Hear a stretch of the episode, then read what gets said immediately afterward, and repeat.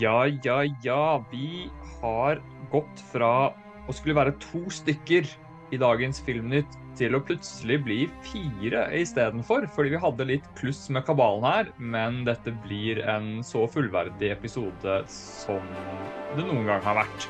Når jeg har med Emanuel som alltid, og det hadde vært veldig rart hvis ikke du var her. Roy, som driver og veksler litt på med sin tvillingbror Remi, og selveste Olaf, som uh, alltid er med på Star Wars-prat, men ikke alltid på Filmnytt. Så velkommen til dere hele gjengen. Takk, takk. Takk, takk. Olaf er og henter seg munnsalve nå, var det ikke det han sa? Sånn at vi, vi venter litt på, på, at han kommer tilbake og, og sier hei. Men uh, vi kjører rett på, da. Altså bare til nye lyttere, selvfølgelig så må jeg ha den vanlige introen med info og sånn før jeg glemmer det. Filmnytt, altså det er ganske åpenbart hva det handler om. Det er det nyeste innenfor film, med stor fokus på de nyeste kinofilmene og de største franchisene som Star Wars, Marvel og DC og det meste annet som er det som blir mest snakket om, prøver vi jo å få tatt tak i.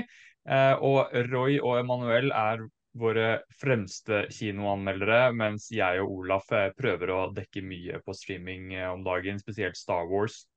Som vi har snakket mye om i det siste. Vi har noen spesialepisoder om Ringenes herre. Og vi har en turnering i Movie Trivia som nå har kommet helt til finalen, som vi snart skal legge ut uh, mellom vår egen Roy og en veldig, veldig sterk uh, motstander i Christian Reitan, som faktisk er han som er den offisielle holderen av Nordisk Film Kino sin filmquiz på Vika kino. Så det er ikke rart at han er veldig god. Men når det er ute av verden, så tenker jeg bare Nå er jeg litt nysgjerrig, for nå har jeg ikke helt oversikt her, eh, Manuel, på hva er det du nå har sett siden sist? Jeg mistenker at eh, det er noen uh, filmer, for jeg har sett at du har lagt ut en del bilder at du har vært i en kinosal, og så har jeg hatt såpass mye å styre med at jeg har liksom ikke hele tiden fått notert meg hva, hva er det du har sett. Jeg vet, jeg vet at du har sett ting, men hva? Ja, eh, nå skal jeg si det at eh, denne helga her så har jeg så langt bare vært på kino i går og sett eh, den siste adopsjonen til eh, Kenneth Branagh på Agatha Christies eh, Poirot. Eh, 'Mord i Venezia' eller 'Haunting in Venice'. Ja. Så skal jeg på kino etterpå da, og se en film som jeg henger litt etter med å se. men så langt så denne uka her, så, så er det den siste Poirot-filmen som er det jeg har fått sett. Og det er jo uh, en av de mest profilerte, hvis ikke den mest profilerte kinofilmen som har premiere denne uka her.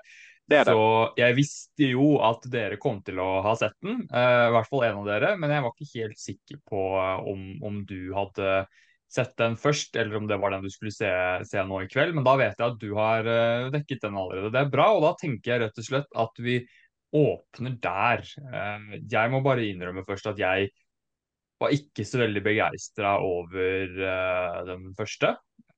Mord på Orientekspressen. Jeg syns det var tamme saker. Så jeg gadd ikke å se nummer to engang, jeg. Så da er jeg egentlig bare litt nysgjerrig på hvordan den her måler seg opp mot de to første filmene.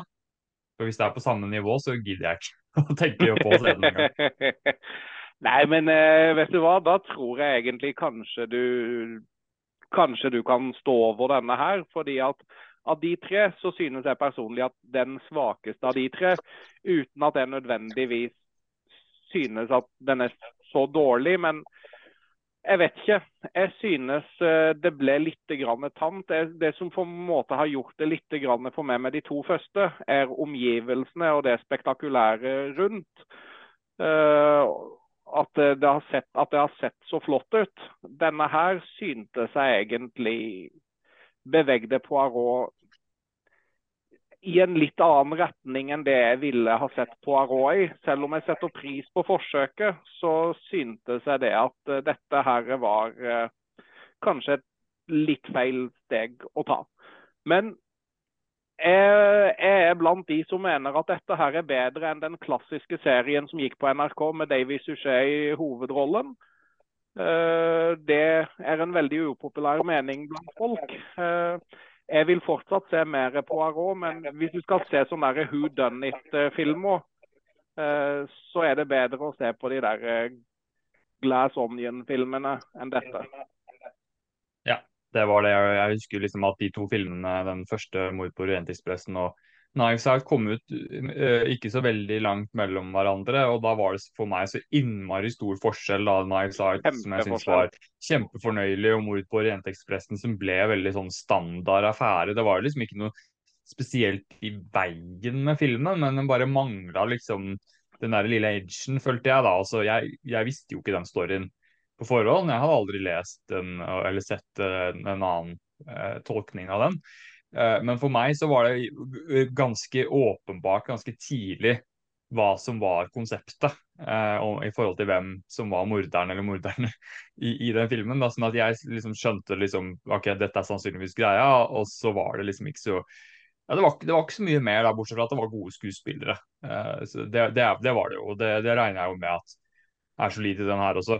Ja da, kjempesolid solid, solid cast. Og jeg kan si det at jeg jeg likte filmen. Eh, de to som var med meg på den filmen, de likte den ikke. Så jeg var eh, Så jeg tror at denne her sikkert kan, kan dele folk, denne filmen her. Så ikke, ikke noe stor høydere for 2023, dette her. Men ålreit. Helt ålreit. Det er et godt håndverk på mange måter. Og, og, det vil jo alltid være en utfordring når du skal lage en eh, en adopsjon av Agatha Christie. For hvis du skal gjøre den troverdig, så er det jo ingen som blir lurt. Nei. Jeg mener det er jo bøker som er godt over hva, 100 år gamle nå? Ja, det må det i hvert fall være. så det er jo det samme problemet med Sherlock Holmes òg. Hvis du ikke gjør noe spenstig med det, så vet du hvem som har gjort det med en gang. ja, ja, ja. Og jeg hadde, jo ikke, jeg hadde jo ikke lest boka, men nå har jeg jo forstått det som de tar litt friheter sånn i forhold til, eh, i forhold til eh, bøkene og sånn, men jeg skjønte det jo egentlig, mm. i hvert fall et av de der plottene på hvem som var skyldig. Jeg skjønte det jo ganske tidlig og fort hvem som var den skyldige, så det var ikke Ja, den klarte ikke å lure meg helt, den her. Jeg tror, jeg tror nok det, det, er ofte med akkurat de der, i og med at kildematerialet er så gammelt. Så Du må ta så mye friheter. Ja. Ellers er det noe alle har sett eller lest før. Absolutt. Men jeg tror Det blir jo eh, Hva skal du si, Emanuel? Nei, jeg tror, jeg tror Roy òg har vært og sett uh, filmen uh, denne helga. Så det har vært interessant å høre han sitt uh, Om han deler min oppfatning her, eller om han er litt mer positiv. Jo, nei, eh, tingen min da, er at uh, det er den som, som, jeg skal se i kveld. Så jeg, jeg har sett alt, alt, som har kommet utenom den. Oi. Uh, men, men tingen er at uh, jeg, jeg, hører det du sier. jeg vet at Remi ikke likte den. Og så, og så har jeg hørt på podkaster fra Amerika med folk som sier at det, det er den beste trilogien. Så jeg, jeg, tror at det er et veldig sånn bitt vidt spekter da, på om man liker den eller, ikke. Ja, men da går det jo inn litt sånn derre Ja, sikkert litt sånn åpen når du vet ikke hva du skal forvente, da. Så det er jo, det er jo greit. Da kan det gå begge veier. Jeg driver og prøver å sjekke nå hva, hva er det han har fått for noe, egentlig, sånn på, på, på Rotten Tomatoes og sånn. Altså, jeg, jeg gleda meg, litt til å se her, disse tre når alle Jeg så den første uh, av de tre som har kommet nå. Så tenkte jeg skal se alle på, noen, etter hverandre når, de, når, alle kommer ut på, på streaming. Uh, jeg, jeg, er en stor fan av David Suchet-serien. Uh, så, men jeg er nå også tradisjonalist. Altså, hadde det ikke vært akkurat som i boka, så hadde jeg jo blitt sinna. Så jeg gleder meg til å se forskjellene. da. Mm. Ja, ja, men jeg tenker jo... vi har, vi har såpass mange, mange, ting vi skal, skal, gjennom nå, så jeg tenker at vi beveger oss videre fra, fra mysteriene der sånn. Uh, men det er uh, i hvert fall da, greit å ta med seg det Manuel sier, da, at det er jo en film som uh, fra hans side og, og, flere andre kanskje er den svakere kanskje av de tre nye. Men vi får jo vente og se hva Roy sier, da, om han er uenig i det. Da tenker jeg at, uh, at eh, Roy skal få lov til å fortelle først hvilke filmer du har sett siden sist, og så kan vi ha liksom å fordype oss i én og én utover eh, kvelden her nå. Ok, eh, er, vi, er vi da på, på kinofilmer? Ja, nå er vi på kinofilmer først. Eh, da begynte jeg med eh, Jeg begynte med After Ev Everything.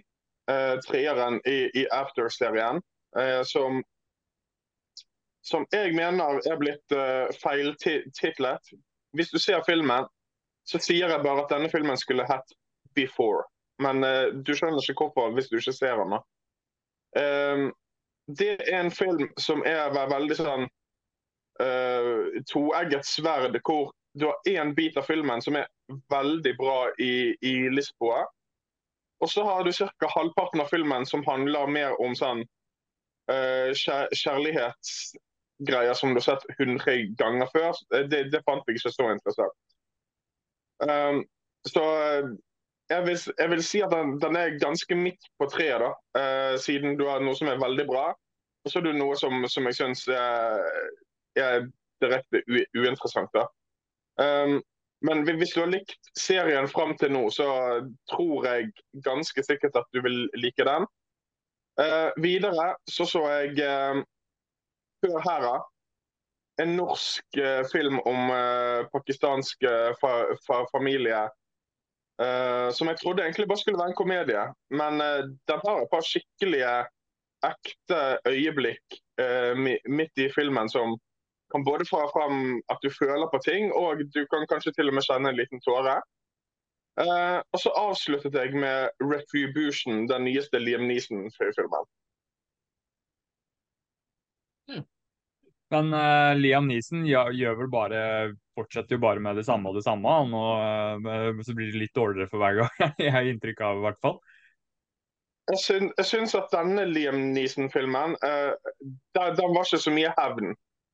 Her, her er det mer, eh, det er mer eh, speed i en eh, familiebil. da.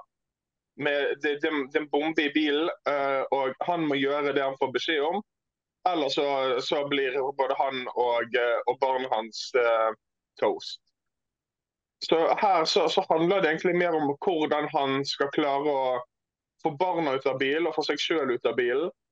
Og så, så, så er det en, en bit av filmen hvor han bare sier fuck it, jeg, jeg skal finne han som har uh, gjort det. Men uh, det handlet egentlig det handlet egentlig mest om, om på, på en måte spenningen rundt klarer de å komme seg ut av bilen eller ikke. Okay. Og du syns de fikk til det bra? Ja, sp Spenningskurven var, var, var ganske god. Um, og så syns jeg at måten Måten det avsluttes på, var, var, var kreativt på, på en kul måte. Men jeg, jeg, jeg var ikke helt fan av, uh, av reveal på, på hvem som hadde plassert bom bomben. da. Men det, det er nok bare meg. Men uh, du, du kan anbefale den for de som er glad i den type film og, og glad i Liam Neeson, da, og bruke tid og penger på kinobilletten? Ja, jeg, jeg husker jo at jeg så med Memory da, da den kom, og jeg, og jeg syns jo at denne her er ti ganger bedre enn den. Så jeg okay. tenker at det her er Liam, Liam Neeson som, som er på, på vei opp igjen. Ok, Det er bra å høre. Jeg har begynt å bli litt sånn skeptisk, for jeg føler det er, så, det er så likt så mye av det, og så er det lenge mellom hver gang det blir snakket om som noe som er verdt å bruke, bruke penger på, da, i hvert fall av, av eh, kritikere, så, så pleier det å bli ganske lunka til det. Men det er jo vanskelig når du, når du går så inn i den samme sjangeren og, prøver, og gjør det samme om igjen og om igjen.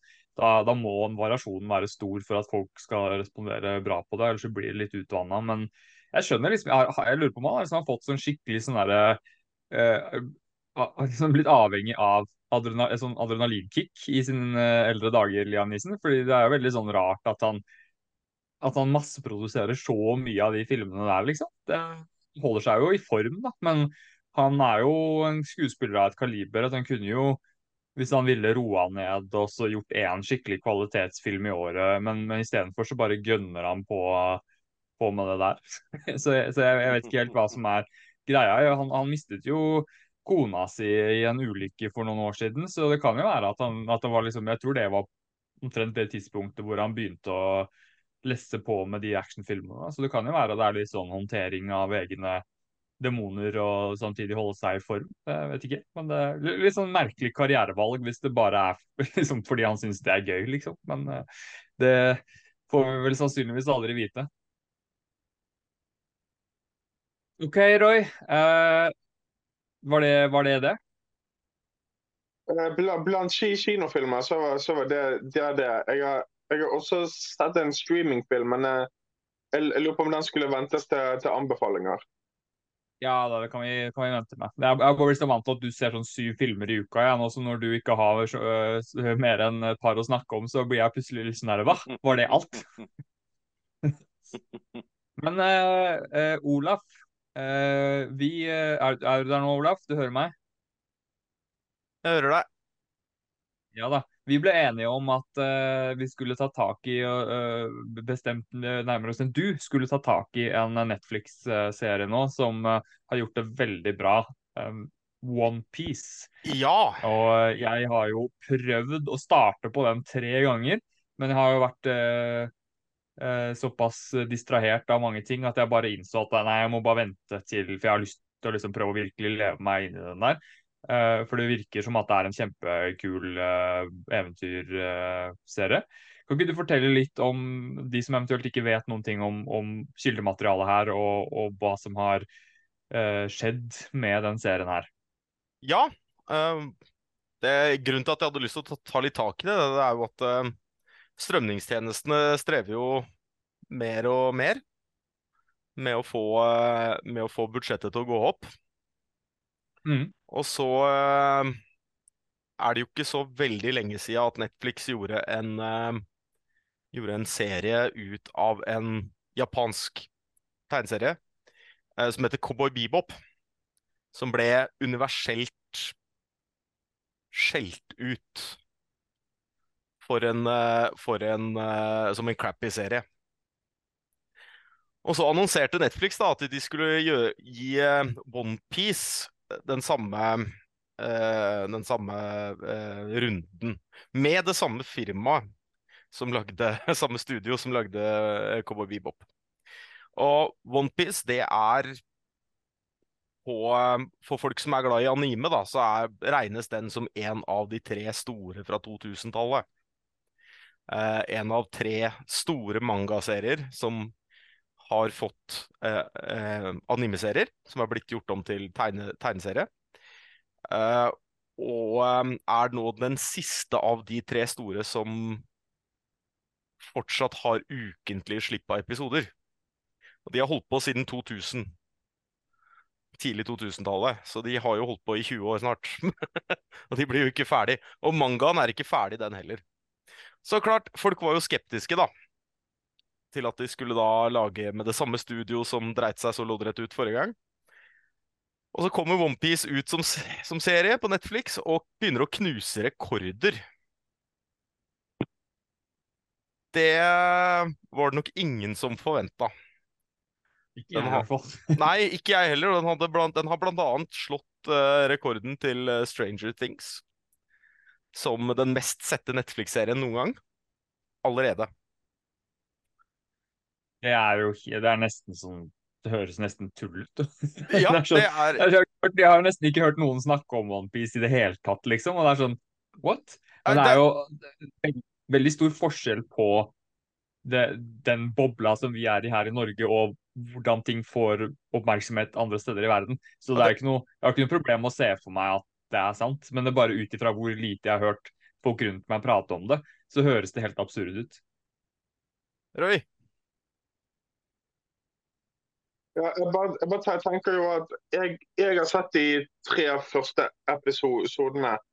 Eh, og skal man på en måte sette det litt opp mot hverandre, så er jo OnePiece en mye mer familievennlig type show enn hva, enn hva Stranger Things er.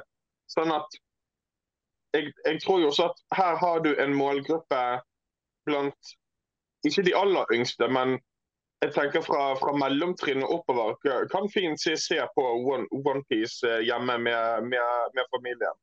Å oh, ja. Det, det, det, kan man. Uh, og det at uh, Det som overrasket meg veldig, var jo at uh, det tryna jo så hardt forrige gang Netflix prøvde å gjøre dette her. Men denne gangen her så er det han, han som har skrevet mye av manusene og sånn, er også han som har lagd tegneserien. Det hjelper.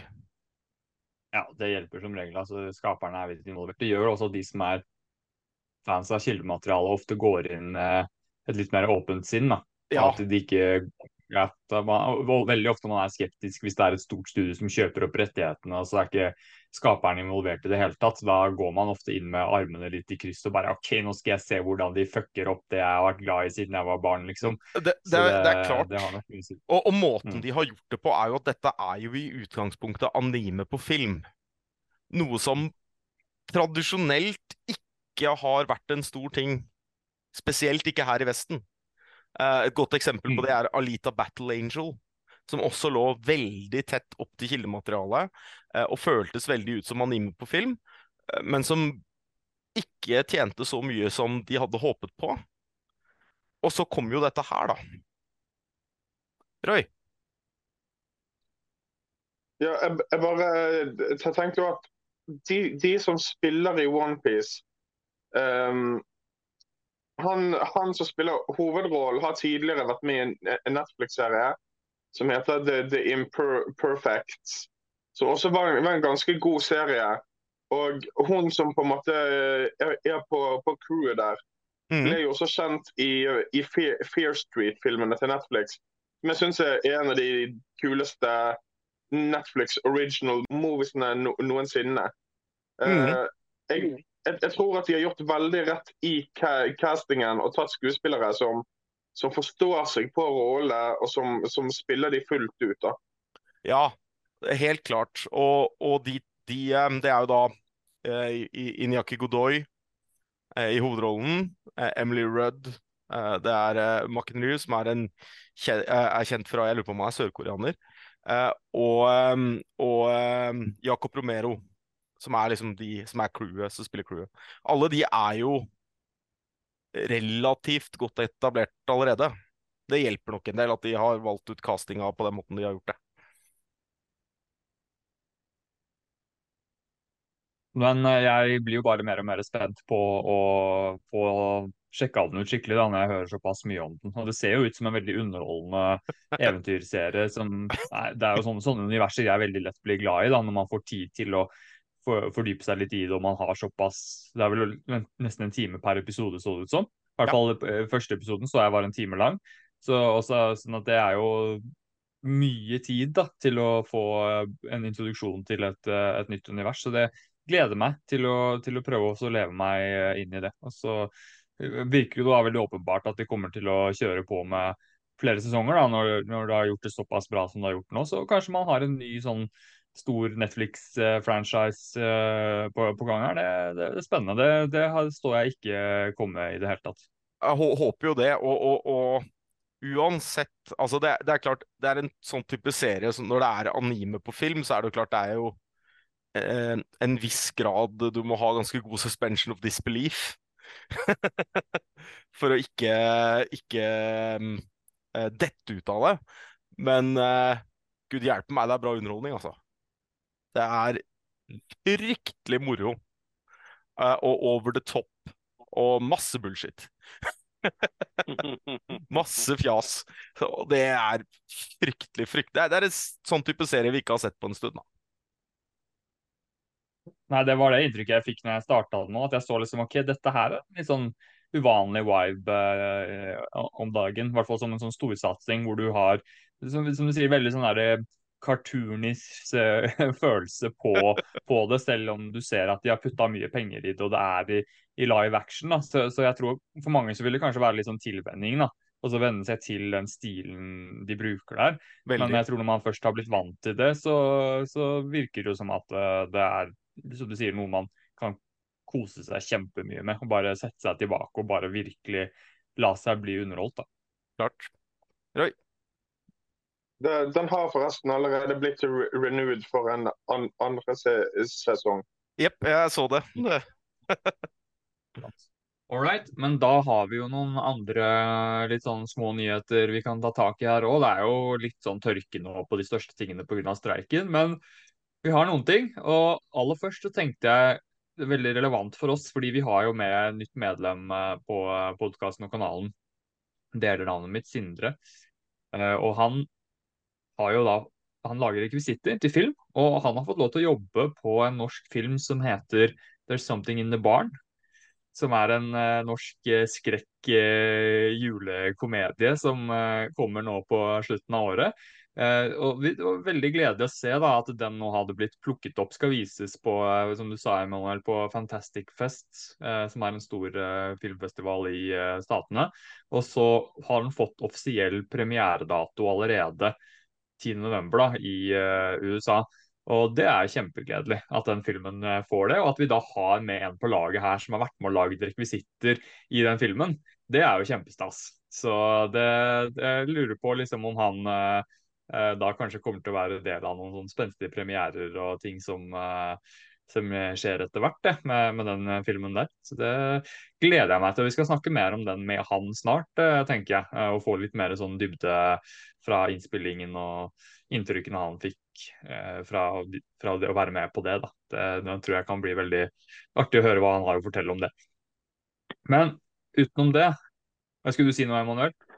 Jeg ville bare si det at eh, når vi lagde den der lista av ti filmer vi ser frem til for eh, dette andre halvåret, så hadde jo jeg det på den lista. Og du kan si jeg setter veldig stor pris på julefilmer, men når jeg hører at dette her er inspirert av Gremlins, bare med den norske fjøsnisser, da, da, er, jeg, mm. da er jeg solgt, altså. Og Jeg tror mye av det skyldes at uh, vi fikk jo i fjor uh, igjen Norge uh, norske, norske, regissører som begir seg i kast med amerikanske konsepter. Tommy Wirkola lagde jo 'Violent Night' i fjor, som var en stor en stor opplevelse, slik jeg ser det. Jeg håper denne her topper Violent Night. ja, det, det, skal godt gjøres, altså. Men om, hvis den bare kommer i nærheten, så er det bra nok, syns jeg. da. Violent Night var jo ustykkelig morsom. Oh, ja. det er den nye julefilmen i min familie. Det er den vi skal se hver jul nå. Jeg vet ikke hva det sier om din familie.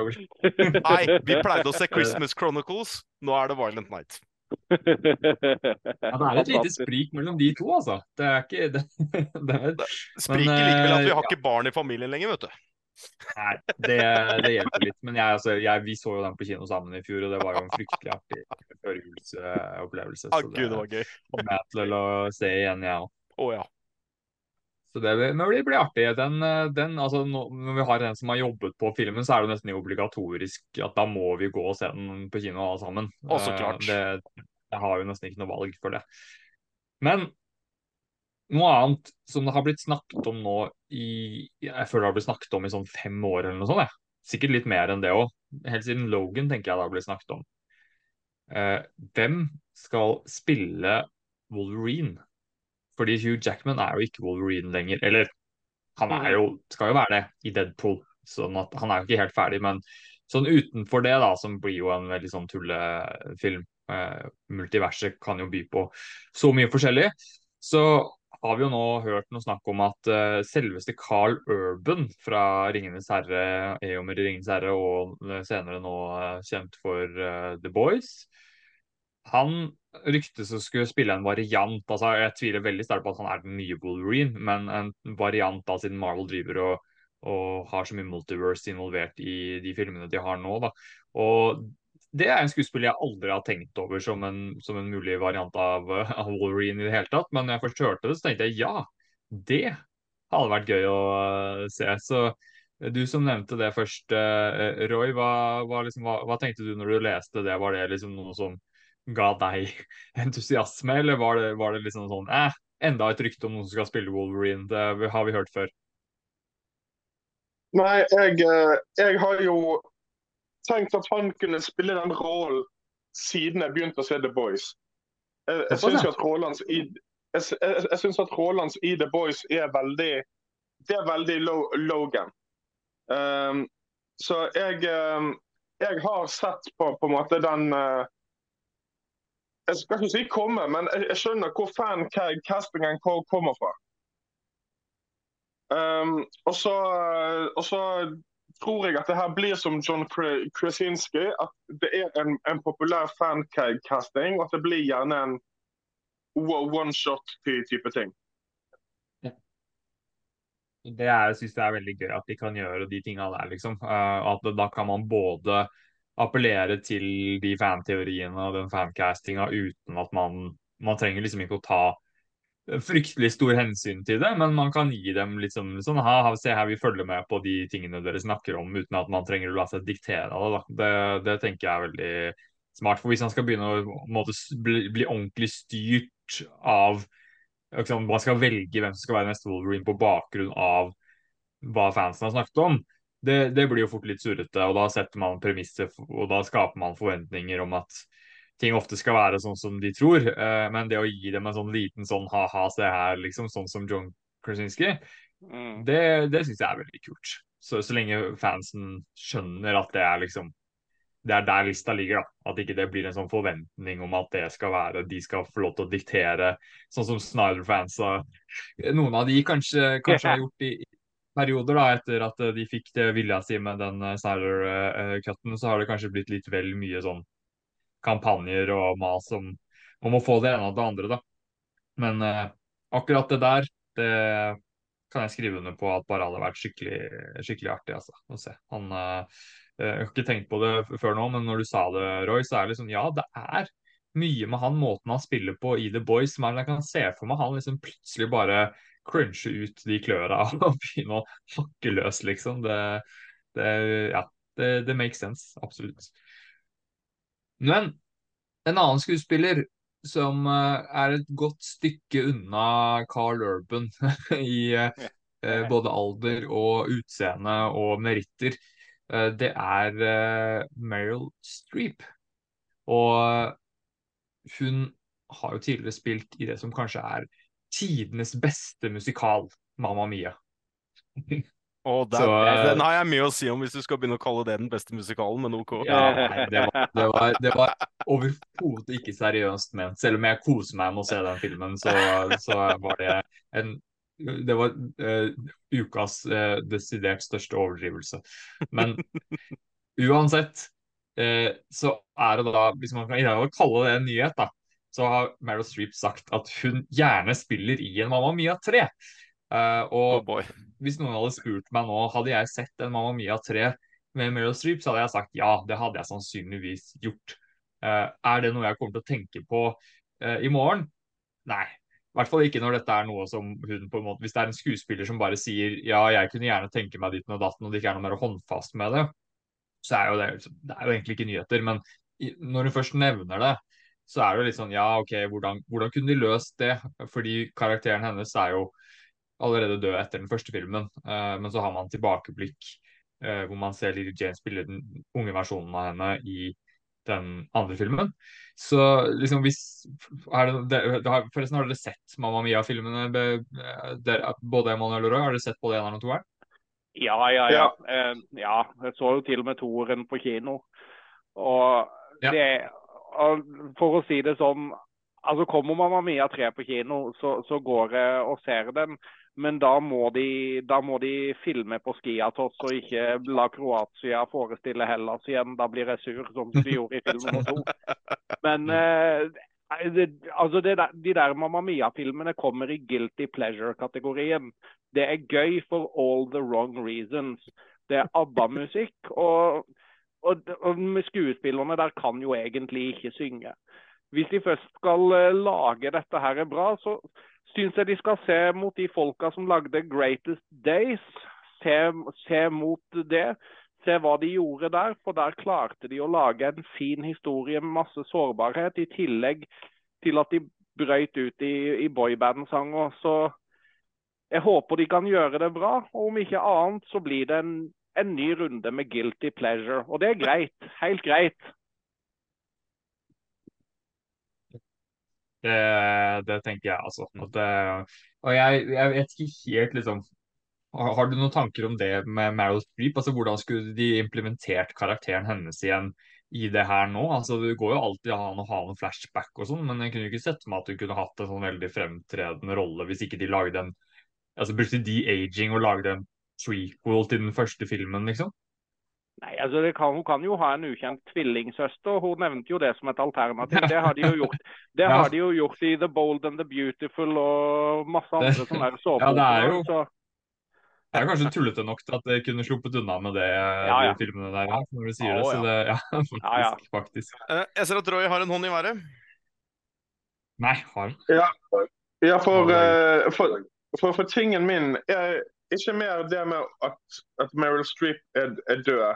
Eh, jeg, jeg tenker at en, en interessant Ja, ja Don- er død. Eh, ja. eh, jeg, jeg tenker at en interessant måte de kunne ha gjort det på, er med å ha en film med to forskjellige tider som viser at Amanda Seyfried sin rolle sliter på hotellet på samme måte som Donna hadde slitt uh, tidligere. Uh, og så kunne du få en sånn parallell greie med at uh, datter og mor eh, driver det ganske likt, men, men med samme type problemstilling.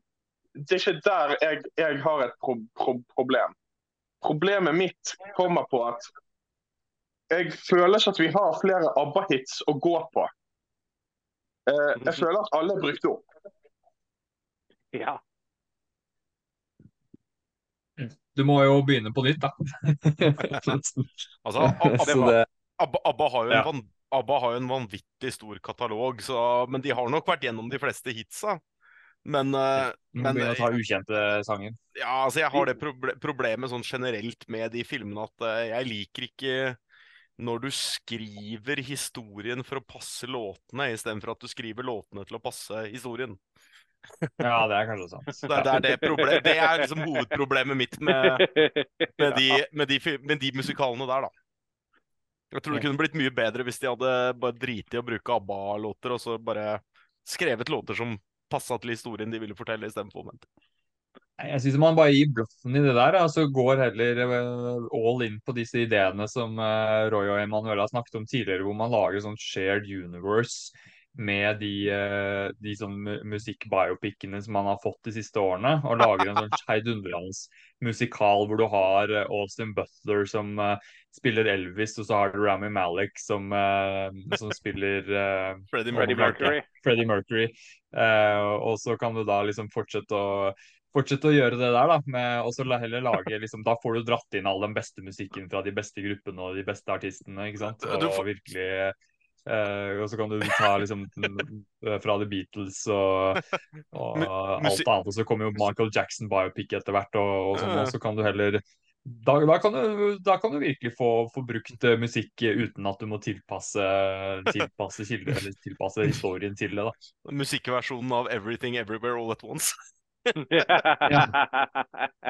I bankers, vet du. Skikkelig òg. Roy? Ja, eh, jeg, jeg bare skulle legge til nå, nå når vi snakket om, eh, om biopic, så har jo ikke ABBA fått sin. Nei, Sånn at, det har de ikke. eh, det, det, det er jo også en, en, en måte å gå fram eh, i, i denne tematikken på. på da. Absolutt. Og er det er et band som fortjener det, så er det jo ABBA. Ja. Det, man kommer jo ikke unna at det er et av de største bandene i musikkhistorien, og man burde jo få en skikkelig film om kar hele karrieren, liksom. Det var bare jeg som Altså- falt ut, eller? Ja, det var bare du som falt ut.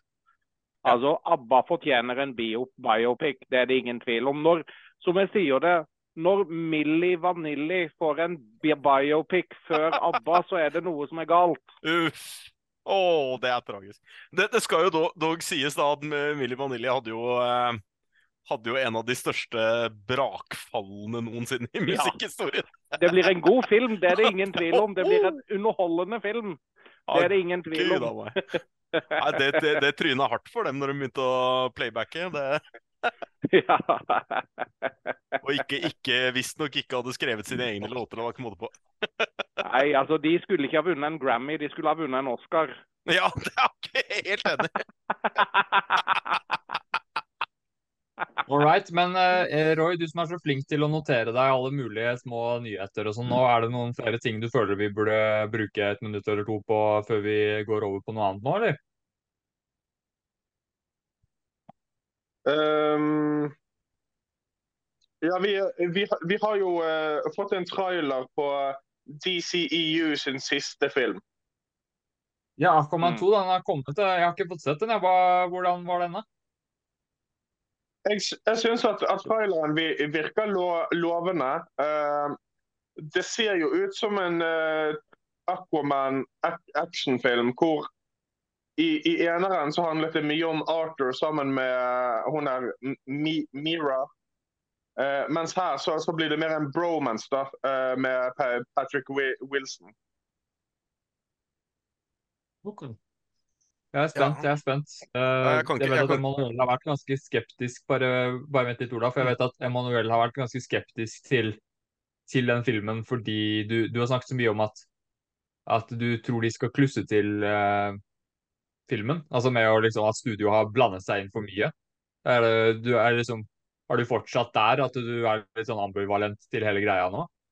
Ja, jeg er, jeg er ambivalent. Altså, jeg er det fordi at denne filmen her har jo vært ferdig i over to år. Og de har hatt, eh, de har hatt sånne eh, testvisninger, og folk har kommet ut og ikke sett det. Og de har sett forskjellige versjoner av den filmen. de har, de har jo filma scener med både Michael Keaton og eh, Ben Affleck til den filmen, som nå har blitt, som blitt fjerna. Og fordi at Det var jo egentlig meningen at dette skulle være en build-up til en stor DC-event, men så har de jo fjerna alt sammen for å prøve å disconnecte det. Så jeg tror at vi får litt sånn som The Flash. Man kunne En underholdende film, men man kan se den har blitt pukla med. Så jeg, så jeg, jeg, jeg kan ikke si at jeg ser for meg en stor høydere, men jeg tror allikevel vi kan bli godt underholdt. Men jeg ser ikke den store høydaren her.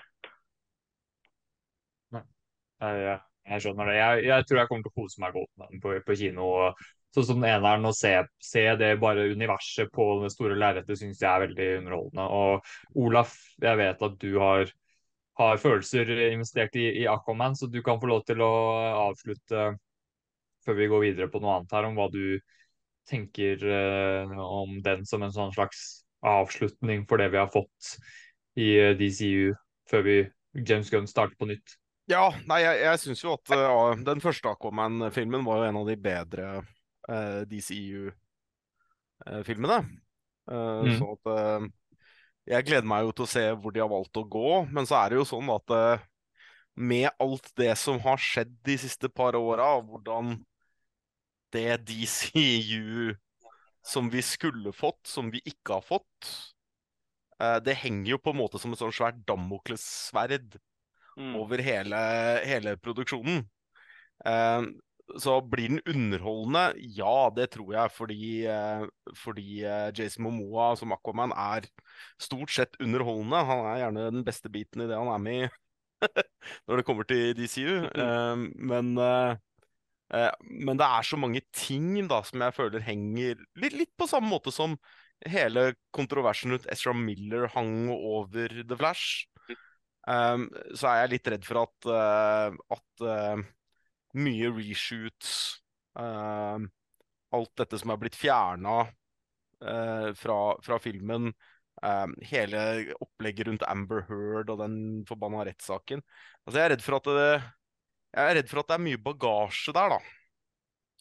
Som kan hindre folk å dra og se den, rett og slett.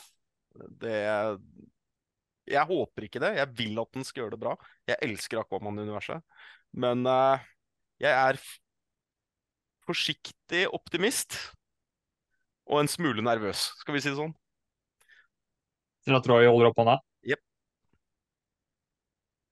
Ja, uh, jeg bare jeg, jeg, er redd for at mye av det Olaf sier stemmer. Så da, da sier jeg eh, herfra, fra meg til, til, alle som måtte finne denne podkasten og høre på denne episoden, at hvis du likte Man of Steel, hvis du likte The Flash, hvis du likte Sex Snyders in Justice League, Wonder Woman, The Suicide Squad Dette er siste filmen i det universet. Eh, hvis du har likt det, så syns jeg at den fortjener at du går på kino og gir den en, en sjanse og viser til Hollywood at DC-filmene er ikke de er ikke utbrukte. De, det, det her er ting som vi vil ha. la, la nå denne filmen få få lov å å gå ut som en su- suksess. Sånn at de iallfall kan si at de hadde én siste su- suksess før alt sammen er over. Helt enig. Absolutt. Der håper jeg, jeg håper at dere har helt rett i det dere sier der. Så det, jeg syns det har vært nok bra ting med det universet til at man kan eh, At det fortjener å bli husket for, for det, eh, de gode tingene også. Og hvis Aquaman klarer å dra frem de styrkene som jeg føler har vært der i perioder, og som jeg syns var veldig til stede med den første Aquaman-filmen, så, så kan man kanskje få liksom se tilbake og bare OK, det var mye rot, det var eh, noen skuffelser her og der, men det var faktisk en del gode filmer, og, i hvert fall de skuespillerne som var med, gjorde veldig gode versjoner av de karakterene de fikk lov til å spille. Det, det tror jeg ikke det er så mange som, som er så veldig uenig i. At både Henry Cavill har vært en god Supermann, Gal Gadot har vært eh, god som Wonder Woman, selv om man kan Hun er jo ikke den sterkeste skuespilleren, men jeg syns de fikk Molde her med bra til å passe til det. Og, og Jason Momoa har for meg, jeg har ikke noe forhold til Akoman fra tidligere, men for meg så var han en utrolig underholdende, kul Akoman som jeg veldig gjerne ser mer av. Og Ben Affleck, selv om man aldri fikk en sånn ordentlig sånn god introduksjon til hans historie som Batman, så syns jeg han var også veldig kul i den rollen der. Da. Sånn at uh, Er det én ting de i hvert fall har lykkes med i mine øyne, så er det castinga og fremstillingen av karakterene. Eh, og så får vi jo bare håpe at de lykkes bedre med å skru sammen ting, og hvilken rekkefølge de velger å fortelle ting i, og alt mulig, når James Gunn velger å begynne på nytt. Så, men da ser jeg jo at uh, Roy nok en gang holder opp uh, hånda. Jeg lurer på om jeg må begynne å notere for hver episode. Sånn for å se liksom, om han klarer å slå rekorden sin. Ja, bare, bare det med at eh, For jeg kan huske en, en tid om Aquaman før J Jason Momoa var, var, på banen. Og det han har klart, er at han har gjort den superhelten i, i på, populærkultur som alltid ble mobbet for Å ja, du er fyren som snakker med fisk. Ja. Sant? Ja, Eh, stemmer, og, stemmer. og nå ser alle på han som den, den barske helten. Sant? Det, det, det er ingen small feat. Nei, det er godt gjort. Det er veldig godt gjort. Absolutt. Nei, vi får uh, vente og se. Nå kommer jo ikke filmen uh, når den egentlig skulle komme. da. Jeg husker ikke hvordan, Hvor er release-daten plassert nå? Var det ikke 25. No- 25. de- 25. desember i Norge, 20. desember i resten av verden. Å ja, den er fortsatt der. Jeg, jeg hadde det i Ja. hodet mitt at den hadde blitt pusha vekk fra det igjen og over i neste år. jeg. Nei, den kommer i år. Ok, det er jo bra at det er i hvert fall noe som kommer i år. Ja. Det er noe, at ikke alt, fordi jeg, jeg følte liksom at ok, nå er det ikke noe mer igjen i år av store filmer, fordi alt har jo, alt har jo enten kommet eller blitt pusha pga. streiken. Så det, men det er, det er bra man har den å se frem til før jul, i hvert fall. Så får vi håpe at streiken har eh, gitt seg eh, og ordnet seg inn da, sånn at man slipper å få den utsatt også. Roy, glemte du å ta ned hånda nå, eller holder du opp igjen? Nei, jeg bare, jeg bare lu- lu- lurte på om eh, vi var ferdig med Aquaman, om jeg kunne innlede eh, til neste sak. Ja, gjør det. Gjør det. Ok, for uh, På samme måte som at uh, Aquaman uh, kan lage bølger og ri på dem, så, så er det en popstjerne som har sin egen bølge for tiden på kinoer i Amerika. Og Det er da Taylor Swift, som har laget en konsertfilm basert på Eras-turneen hans. Og Den er allerede på forhåndssalget solgt 65 millioner dollar. Det gjør det til at på forhåndssalg alene så er det den fjerde mest innbringende konsertfilmen i historien. Uh, sånn at jeg, jeg, jeg synes at det, det her skal man ikke svare på. Og da, og da snakker man kun i Am Amerika, 65 milli, milli, milli, millioner. Sant? Denne filmen kan jeg, jeg tror at den kan klare å komme seg inn på topp ti eh, beste box office i, i år.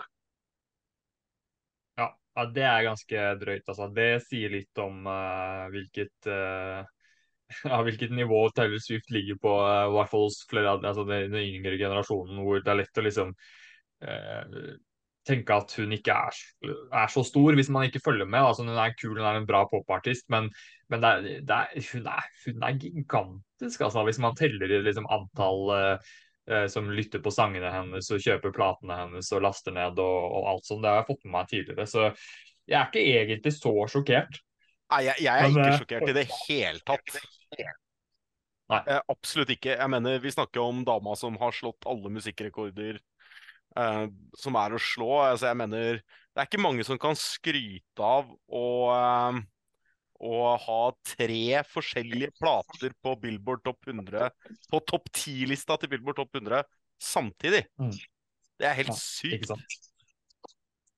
Det er faktisk uh, ganske, ganske, drøyt. og det, jeg tror liksom Hvis man ikke følger så mye med på uh, dagens popkultur i USA, i hvert fall musikken, og ikke liksom hører så mye på de sangene og sånn selv, lever litt i fortiden når det gjelder musikk, som, som mange kanskje fra vår generasjon og, og litt eldre gjør, da, så er det lett å dismisse hvor gigantiske de som er aller, de aller, aller mest populære Eh, i dag faktisk er. da.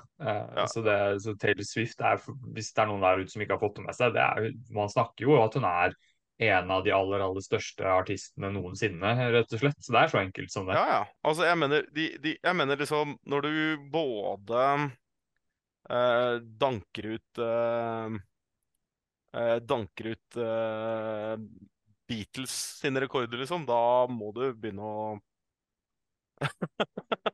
Da må du begynne, begynne å, å, se litt. Grann, altså når du har fire albumer på Billboard Chart 10 samtidig, uh, det er det bare The Beatles som har gjort. Ja. Det, når du altså... er på nivå med Beatles, da, er du, da, vet jo, da, da, tror jeg de fleste skjønner hvilket uh, sjikte man er i. Ja, det er ganske sykt. Mm. Emanuel? Nei. Ja, nei, eh, ja, Nei, jeg ville egentlig bare si det at eh, nå skal jeg sette meg i Emanuel-mobilen for å kjøre til K-Town for å se K-Town. Så, jeg ville bare, så jeg ville bare takke, takke for meg. Tusen takk for deg, Emanuel. Du må kose deg masse, så gleder jeg veldig til å høre tankene dine. Jeg tenker at vi kan uh, få slengt ut en liten omtale uh, fra deg om den allerede de neste par dagene. Ja, jeg tenkte det at jeg skulle prøve å få sett Det, det, det er jo to Kristiansand-filmer nå, holdt jeg på å si. Det er den og en som heter 'Perleporten'. Jeg hadde håpet jeg skulle klare å få sett begge to, sånn at vi kunne ha tatt de begge to opp, eh, om, opp mot hverandre. Men uh, vi får se. K-Town er i hvert fall uh, første prioritet å, å, få sett nå. Høres bra ut. Ha det gøy. Så får dere kose dere videre. Ha det. Ha det bra. Ha det godt. Ha det. Ha det.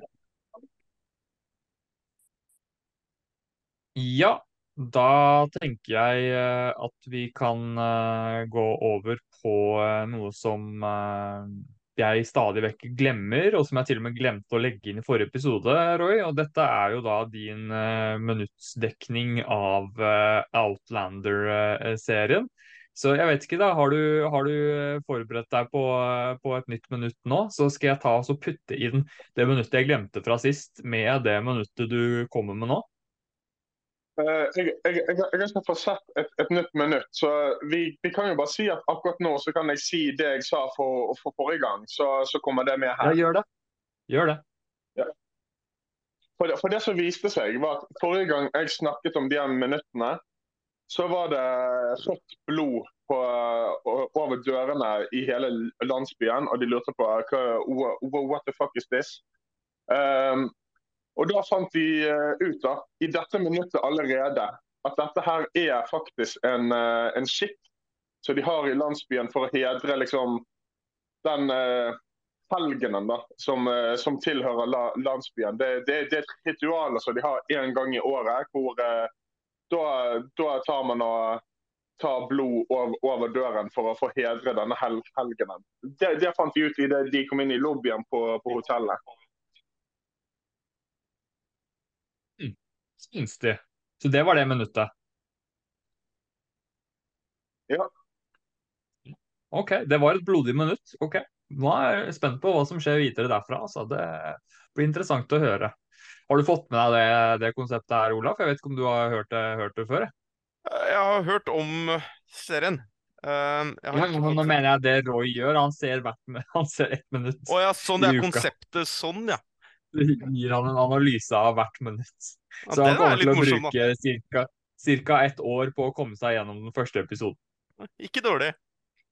Og dette gjør han jo da fordi at en av patronene våre som får lov til å velge noe vi skal dekke, har valgt at vi skal dekke Outlander-serien. Sånn at når det da kommer nye episoder, så dekker vi jo det sånn ordentlig, ordentlig. Men når det er tørke sånn som nå, hvor det ikke kommer nytt, så lager vi noe annet rundt det, som da rett og slett er Roy sin minutt for minutt-tolkning av Outlander. Episode for episode. Fantastisk. Så det, det, det, det er et morsomt konsept. Så Ja, får vi se, som sagt- før, at hvis, hvis vi ender opp med å komme oss gjennom hele den første sesongen på den måten, så betyr det at da har vi holdt på i sånn 20 år eller noe sånt med den podkasten her. Så da, da, da kan vi jo si at vi har at vi har lykkes, da. Eller i hvert fall lykkes med å, med å ha kontinuitet på det. Så får se hvor mange, hvor mange episoder eh, ut vi kommer før vi eh, eh, livene våre beveger oss over på andre ting. Ok, men da har vi vel egentlig bare noen eh, anbefalinger igjen. Altså, vi kunne jo småsnakket litt om eh, Star Wars, men det har vi jo gjort allerede, oss eh, tre og Sondre. Så det er ikke så mye. Altså, den nye Soka-episode, den er ute. Eh, omtalen vår av den hvor vi går skikkelig i detalj på den femte episoden som hadde masse kule overraskelser og mye nostalgi med seg. Så vi trenger ikke å si så mye om det her akkurat nå. Ok, men da skal vi for denne gangen så skal vi bare avslutte med noen anbefalinger. Topp fem blir ikke nå, fordi vi skal ha med litt flere på laget når vi skal ta og kåre de fem beste MCU-seriene som har kommet på Disney pluss. Og det blir en såpass feit, lang diskusjon at det sparer vi til en senere episode. Kanskje til med det blir en isolert spesialepisode fordi vi kommer til å ha så himla mye å si. Så det, det dropper vi for denne gangen, eh, og kaster oss heller bare rett inn i noen eh, artige anbefalinger før vi tar eh, søndagskvelden her. Så Roy, jeg vet du hadde noe streamingfilm du hadde spart på her, så du kan få lov til å starte der. Ja, jeg har jo da streamet meg til den beste skrekkfilmen i 2023. Um, og den involverer en, eh, en dum, dum bjørn. Uh, og eh, et veldig, veldig, veldig lavt bu budsjett. Vi, vi snakker om uh, Det du har på veggen bak deg. Uh, Winnie the Pooh, Blood, Blood and Honey. Uh, jeg, Ja. jeg så at den nå, nå var kommet ut sånn at du kunne kjøpe den på, eller leie den på YouTube til, til 29 kroner. Og så tenkte jeg bare jeg, jeg gidder ikke å vente mer. Nå må jeg få, få sett denne filmen. Um, og det jeg vil si er at premisset og storyen er såpass kul at hvis det er en film jeg føler at Hollywood kunne fått eh, remade med et høyere budsjett, så er det denne her. For um, pre premisset da er jo at Christopher Robin forlot dem når han skulle gå videre med studier og skole og sånn. Og da var det plutselig ingen eh, menneskebarn som på en måte kom med, med mat da, til, eh, til de her dyrene i 100-meterskogen. Som gjorde at de ble så sultne at eh, Brom og vennene hans bestemte seg for å spise Tussi. Og når de da hadde spist Tussi, så ble de såpass gal og, og, og såpass mørk på innsiden at de stoppet helt å snakke og fikk på en måte smaken av blod. Sånn at hver gang det kommer noen forbi 100-meterskogen, eh, så, så dreper de dem på groteske måter. Eh, får alt blodet ut av dem, blander liksom litt blod, litt honning, og, og, og spiser dem. Og det, det, er, det er sånn det her er Ole Brumm møter Wrong Turn møter Texas Chainsaw-massakren. Altså, det, det er den mest groteske filmen jeg har sett i, i år. og jeg hadde ingen problemer med, å leve meg inn, inn, inn i den. Jeg skulle hatt flere sånne fil, filmer som så det her. Den er verdt eh, de 29 kronene du må betale for den på, eh, på YouTube, altså. Ja, Den er absolutt verdt de 29 kronene. Ok. Ja, der skal jeg, når jeg er i rett humør, eh, litt sånn useriøst tullehumør nå, så skal jeg investere det som egentlig bare er prisen av en litt dyr energidrikk. Så det, det, skal jeg, det skal jeg unne meg selv. Absolutt. Det hørtes eh, skikkelig artig ut. Hei. Da, Olaf, lurer jeg på om eh, du har noen anbefalinger å dra, eller en anbefaling å dra opp av hatten, eller skal vi si at uh, Onepiece uh, teltes som din uh, anbefaling for denne gangen her? Den er jo helt klart, klart en anbefaling, men det er én ting som jeg har lyst til å anbefale for alle dokumentarfans ja. um, der ute. For, for ikke så um, altfor lenge siden så kom jo um, en ny sesong av Our Planet. Um, med da stemmen til David Attenborough, selvfølgelig, i, uh, i uh, bakgrunnen. Uh, og uh, der er det vakre naturbilder, en god inngang til uh, å se mer av de forskjellige um, ja, dokumentarseriene, så er, har jo Planet Earth og Our Planet vært de to store. da. Så jeg anbefaler å få sett uh, den siste sesongen. Det, det, er min anbefaling for denne gangen. ja, det, det hørtes kul, kul, kul ut, det. Mm, det er veldig, veldig veldig fin. Akkurat nå ser jeg den sammen med elevene mine på jobben. I, på, i spisinga etter naturfagtimen, og det er uh, my, mange, mange unge fans der. jeg, må, jeg, må, også bare, bare få sagt sånn i, i forhold til TV-serier, så vil jeg også komme med en anbefaling i forhold til eh, HBO Max. Har nå to show som kommer med nye episoder hver uke. Og det er Harley Quinn sin, sin fjerde sesong og Winning Time sin andre sesong er to veldig forskjellige serier. Men jeg føler at hver ny episode som kommer på begge fronter, er det er sånn som man gleder seg til uke til uke. Og nå, mhm. i, i, og nå i uken som kommer, så er det faktisk sesongfinale på Winning Time. Så da får du endelig LA Lakers mot Boston Celtics i NBA-finalen. Oh, oh, oh. Ja, nei, det er kult. Um, Nei, jeg regner da med at uh, uh, Sindre skipper sin anbefaling. ja, det, det, det, blir jo litt, litt vanskelig. Det, det, blir det. Siden han falt ut. Så da kan vi være gode kolleger og le høyt an han, uh, hvis han kommer inn igjen. Men jeg tenker at vi kjører eh, Vi avslutter her eh, for i dag. Så får vi eh, komme tilbake med, med, med mer, skjønte jeg, til uka. Både i form av mm. Star Wars Asoka og en eventuell topp fem-liste fra, fra, en stor del av teamet her. så jeg heter Olaf, og jeg ønsker tusen takk for oss, og takk for at du kunne komme også, Roy. Og så Jo, det var bare, bare hyggelig. Bare hyggelig. Og så ses vi igjen om ikke så altfor mange dagene.